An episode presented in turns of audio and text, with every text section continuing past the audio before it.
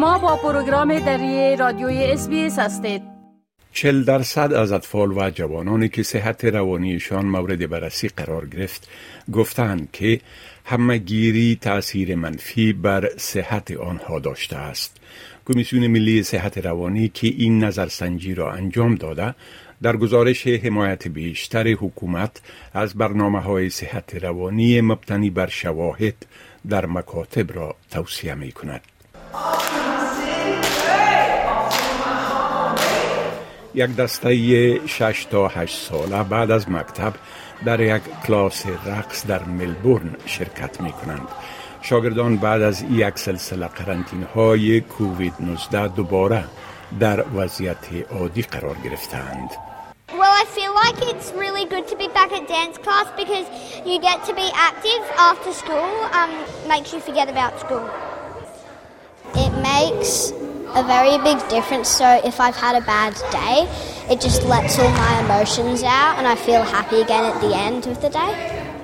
برگشت به روش های سابق برای همه اطفال مکتب کار آسانی نبوده است. اختلالات روانی و استراب این برگشت را برای بعضی ها دشوار ساخته است.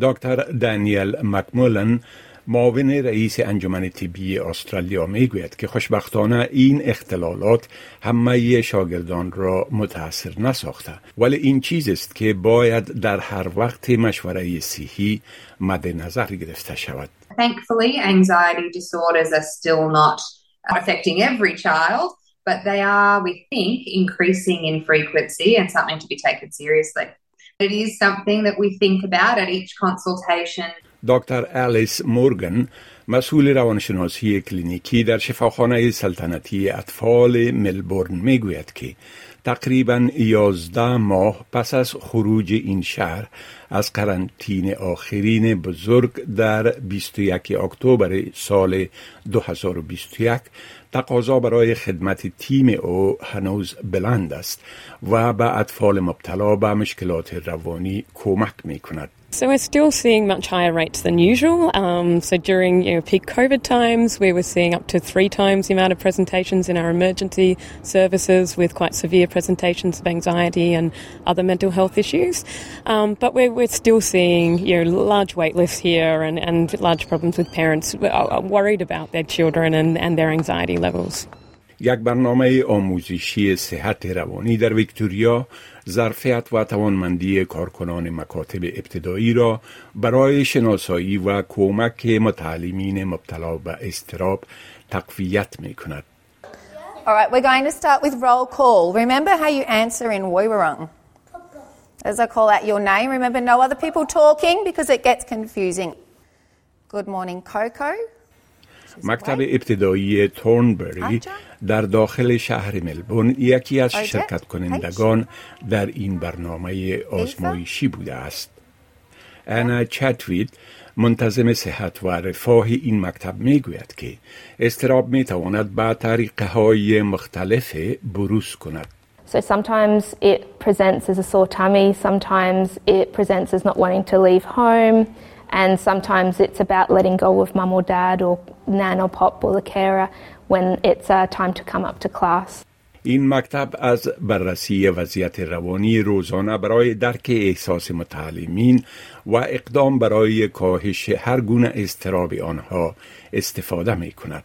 Any worries that you have, just float away with this white light which is carrying away any trouble that you might have.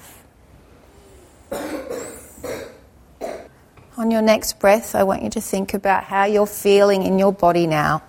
If you still feel tense or worried in an area of your body, in your shoulders or in your tummy or in your head, I want you to imagine the white light going to that part of your body and taking away the sickness or the stress or the tension. It just takes it all away.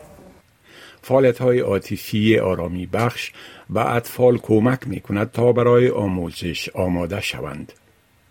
دکتر الیس مورگان می گوید که استراب بخش از زندگی است اما وقتی قابل نگرانی می شود که مشکل آفرین گردد. Usually, anxiety is a problem when it starts to cause a problem. So, when um, you know they're starting to avoid things, or they can't enjoy life as much as they used to, they're struggling to get to sleep or eat. بنان مراقبت کنندگان برای کمک بر طفلی که استراب را تجربه می کند چی کار می تواند انجام دهند؟ صحبت با معلم یا مسئول رفاه مکتب اولین قدم خوب در این زمینه است و پس از آن دیدن دکتر عمومی توصیه می شود. دکتر کاتی اندرونیس ریاست دسته خاص مربوط به طب روانی کالج سلطنتی دکتران عمومی استرالیا را به عهده دارد.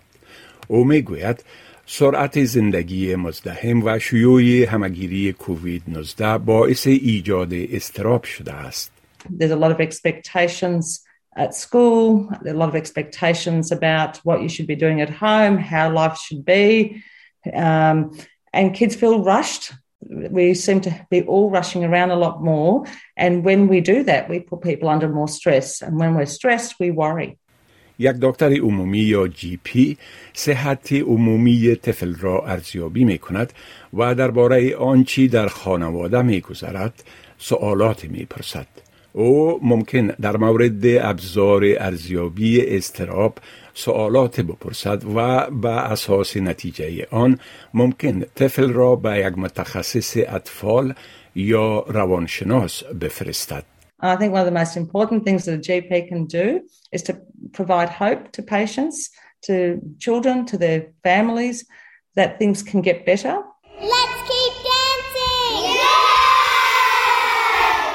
او می‌گوید که یکی از مهمترین چیزی که دکتر عمومی فراهم می کند امیدواری است که می تواند اعتماد به نفس طفل را بلند ببرد تا او به زندگی عادی خود برگردد. این گزارش به کمک فلیپا کاریس بروک از اس نیوز تهیه شده بود. می خواهید این گناه گزارش ها را بیشتر بشنوید؟ با این گزارشات از طریق Apple Podcast، Google Podcast، Spotify و یا هر جایی که پادکاستتان را می گیرید گوش دهید.